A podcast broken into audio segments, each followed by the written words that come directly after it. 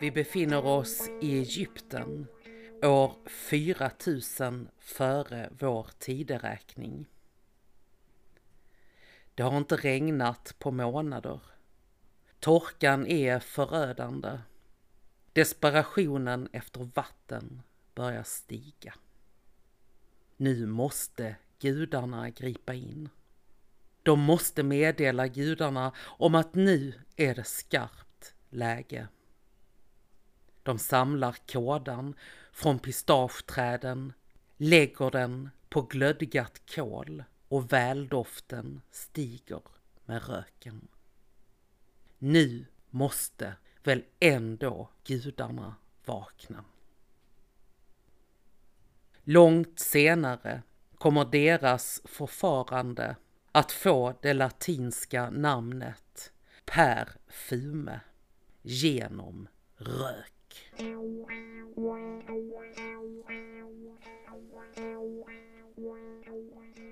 2000 år senare på Cypern. Det vandrar en kvinna längs gatorna i Pyrgos. Solen bränner. Det är varmt och egentligen borde hon lägga sig för att vila. Men hon har fått ett stort uppdrag från en välbärgad familj på ön och hon måste jobba med sin senaste beställning. Hennes namn är vida känt och hon måste leva upp till förväntningarna. Redan som liten flicka började hon experimentera med oljor, koder och växter, precis som hon sett människorna i templet göra. De som tillverkade rökelserna kallades för näsorna. Hon började tillverka dofter i en liten skala. Men nu har hon en hel fabrik med destillationsapparater, skålar för tillblandning, hälltrattar och parfymflaskor. Det står krus med oljor, växter, liljor och koder överallt. Och det är så hon nu avbildas med ett kärl och en lilja på en kilskrift i stan. Hon har blivit en näsa för människor och hennes namn är Taputi. År 2005 fann man hela Taputis fabrik. Där fann man också kilskriften som daterades till cirka år 2000 före vår tideräkning. Och Taputi är för oss den nu först kända kemisten och parfymören.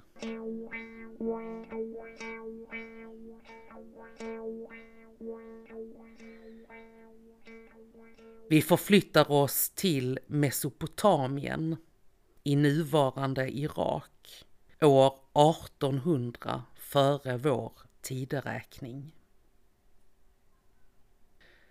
Cirka 200 år efter det att Taputi var verksam på Cypern har en man fötts i en annan del av världen som kommer att förändra historien. Han är vuxen nu och i en stad som heter Ur sitter han i sitt hus framför sina husgudar och skickar böner till dem genom den kåda han lägger på glödgat kol. Senare samma dag händer något oväntat. Han får en kallelse av en helt ny gud att lämna de gamla husgudarna bakom sig. Det är första gången han så tydligt upplever sig ha fått ett budskap. Omtumlad lägger han sig för att vila. Den ende guden har bett honom att bryta upp från sitt liv i Ur för att bege sig till ett land som ska bli hans och det ska flyta av mjölk och honung. Men destinationen är okänd. Man kan ju anta att han har en hel del grubblerier innan han ändå bestämmer sig för att lämna sitt nuvarande liv i Ur. Han tar med sig sin familj och de tar riktning mot nuvarande Israel. Det blir en lång vandring innan han och hans följe äntligen kommer fram. Han är då en gammal man och hans namn är Abraham. Stamfader till judar, kristna och muslimer. Trons fader. Han är arketypen för den troende människan som i alla tider vandrar ut mot okänd destination i förhoppningen om att hitta det inre och yttre liv som flödar av mjölk och honung.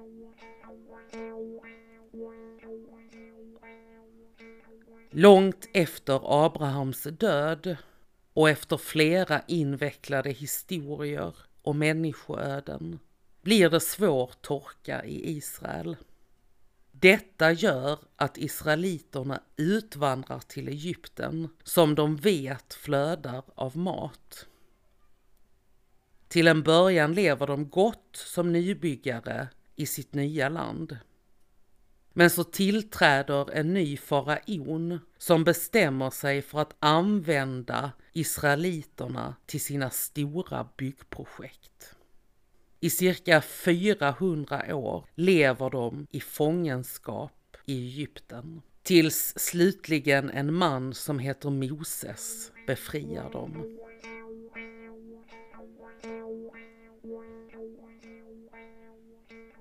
Det finns skäl att anta att uttåget ur Egypten skedde cirka 1200 före vår tideräkning.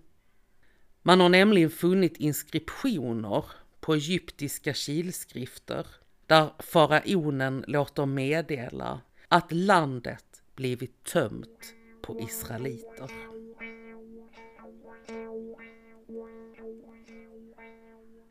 Efter befrielsen tar det 40 år att till fots ta sig tillbaka till hemlandet Israel genom Sinaihalvön. Men de är på vandring till ett hemland de aldrig har befunnit sig i. Efter 400 år i Egypten är det det enda land de känner till.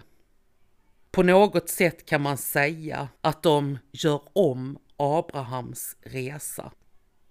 Och det är en lång resa genom öknen. Men så beskrivs det också om att folket gnäller. Det är för långt, det är för varmt, de är hungriga, de är trötta, de är törstiga. Kanske var det ändå bättre om de stannat kvar som slavar i Egypten. Det var ju ändå ett liv de kände väl till. Det här med befrielse från fångenskapen var ändå rätt jobbigt och vandringen hem är bara för lång och knölig. I sin uppgivenhet och i sin känsla av att Gud har övergett dem där i öknen så går de själsligen vilse. De samlar alla guldsmycken de tagit med sig, smälter ner det och bygger en guldkalv som de kan tillbe. Först då bryter den enda guden in. Han uppenbarar sig för Moses på Sinaiberget, där han får motta de budord som ska vägleda människorna och få dem att själsligen hitta rätt igen. Både till varandra, till sig själva och till Gud.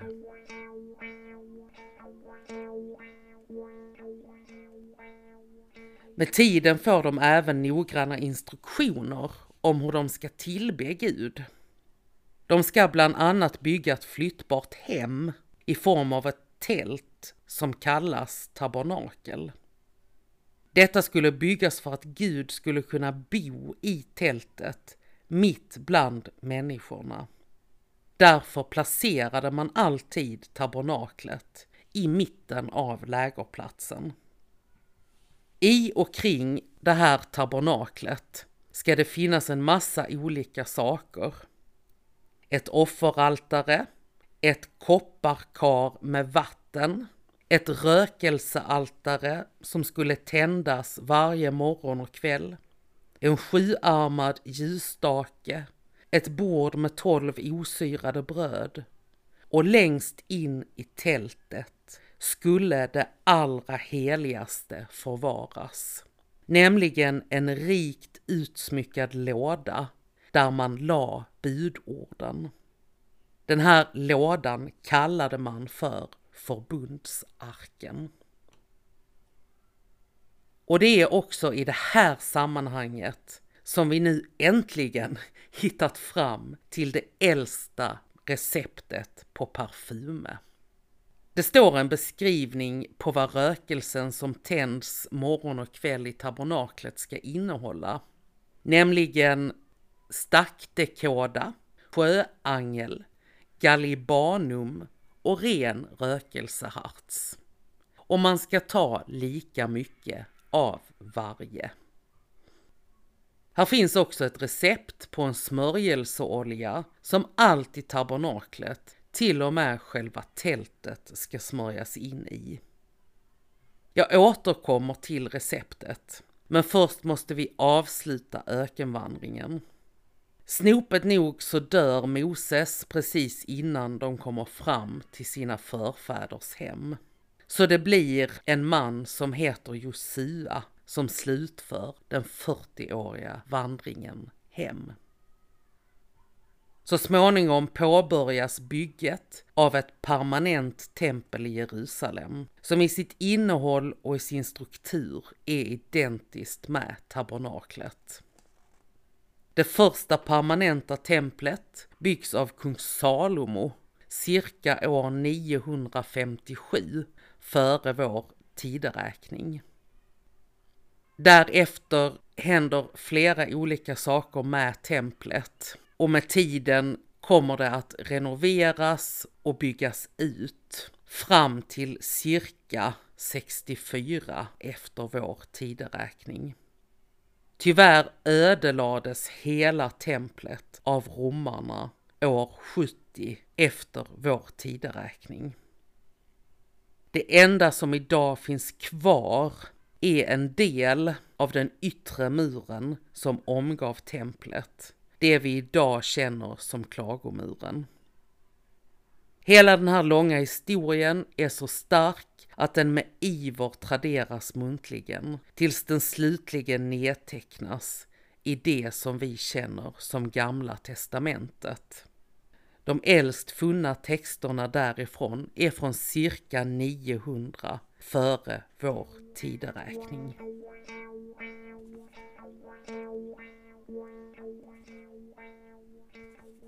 Nu sitter jag då här med mitt införskaffade doftbibliotek. Och här framför mig så har jag plockat fram alla ingredienser som behövs för att blanda till den smörjelseolja som allt i tabernaklet skulle smörjas in i. Och receptet på den här smörjelseoljan är 6 liter olivolja, 6 kilo myrra, alltså saven från myrraträdet, 6 kilo kassia och det är torkade kanelblommor, 3 kilo kanel, vanlig bark från ett kanelträd, 3 kilo kalmus. Och det är en vattenväxt som faktiskt kan växa även här i Norden. Summan blir alltså 18 kilo kryddor, varav 9 kilo är kanel och 6 liter olivolja. Och då vill jag säga, prova inte det här receptet hemma. Det står också att denna smörjelseolja är så helig att man inte får använda den på folk.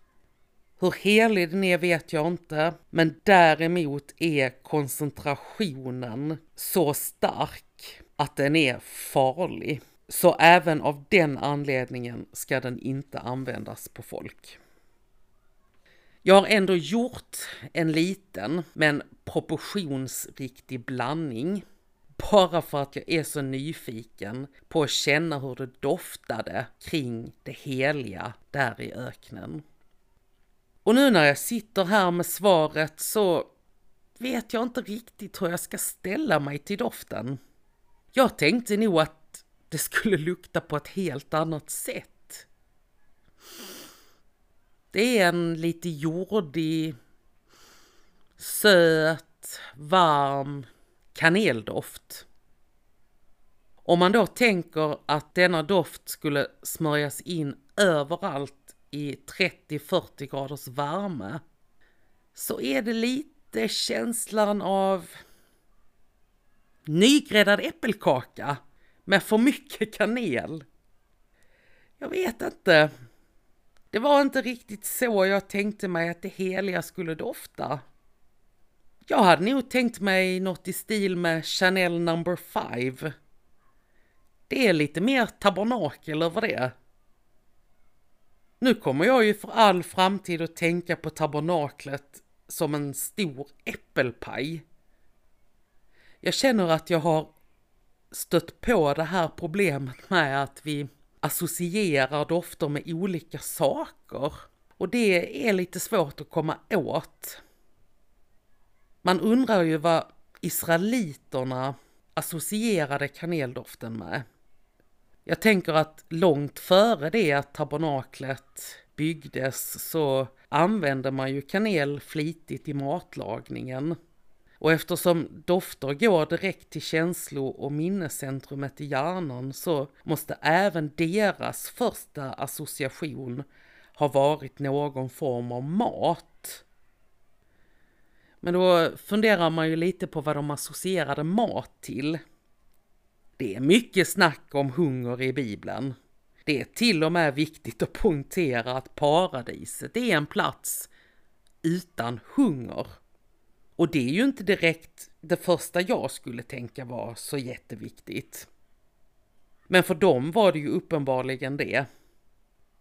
Därför måste mat ha associerats med någon form av välstånd och att Gud är den som ger välståndet genom att mätta den som är hungrig. Och den symboliken tänker jag har en stor betydelse för människor som har upplevt svält på riktigt. Och det har ju inte jag. För mig i mitt överflöd av mat så är det väldigt svårt att känslomässigt förstå det här på något annat sätt än i huvudet rent intellektuellt. Gud doftar varm mat. Gud är en som mätt mättar. Det finns värme, närhet och en stor omsorg i det. Det kanske inte blir heligare än så. Det blir kanske inte heligare än en ugnsvarm äppelkaka med för mycket kanel. Den här doften har helt förändrat min förståelse om människorna kring tabernaklet. Jag är faktiskt genuint förvånad. Jag har nog aldrig känt mig så nära. Där går människorna där i 40 graders värme i öknen, de hungrar och törstar.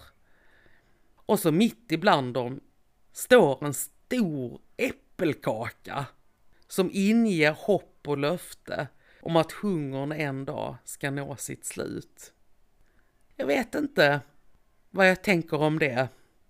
Det är både plågsamt, fint och lite roligt på något sätt. Plågsamt tänker jag att när man är riktigt hungrig så blir man ju hungrigare av att känna doften av mat. Samtidigt så är det ju väldigt fint att tänka sig att Gud är den som mättar den här hungern, den som stillar det här begäret. Fast i praktiken så triggar det ju snarare det. Och det, är ju lite roligt. Ja, jag, vet, jag vet faktiskt inte riktigt hur jag ska känna kring det här.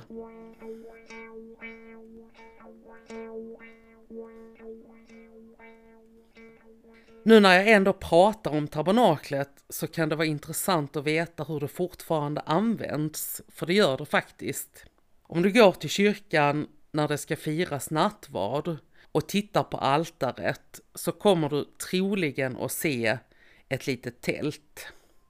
Under det här tältet finns bägaren där vinet hälls upp och det lilla fatet där oblaten läggs på. Och detta är en direkt symbolik till tabernaklet. Här bor Gud i brödet och vinet.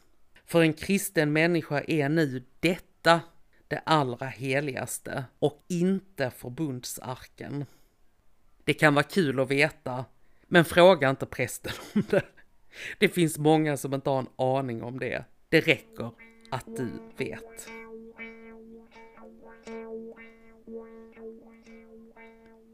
I nästa avsnitt kommer jag att blanda till rökelsen som tändes morgon och kväll i tältet för att se vilken effekt rökelsen och smörjelseoljan får. Jag är riktigt nyfiken på vad som händer med min förståelse då. Är du också nyfiken på hur det går? Så lyssna på nästa avsnitt. Så är det bara att hoppas på att inte min lilla kemi och parfymtillverkning ligger i ruiner som Taputis fabrik. Men då är det ju skarpt läge. Så då kanske jag får skicka lite parfyme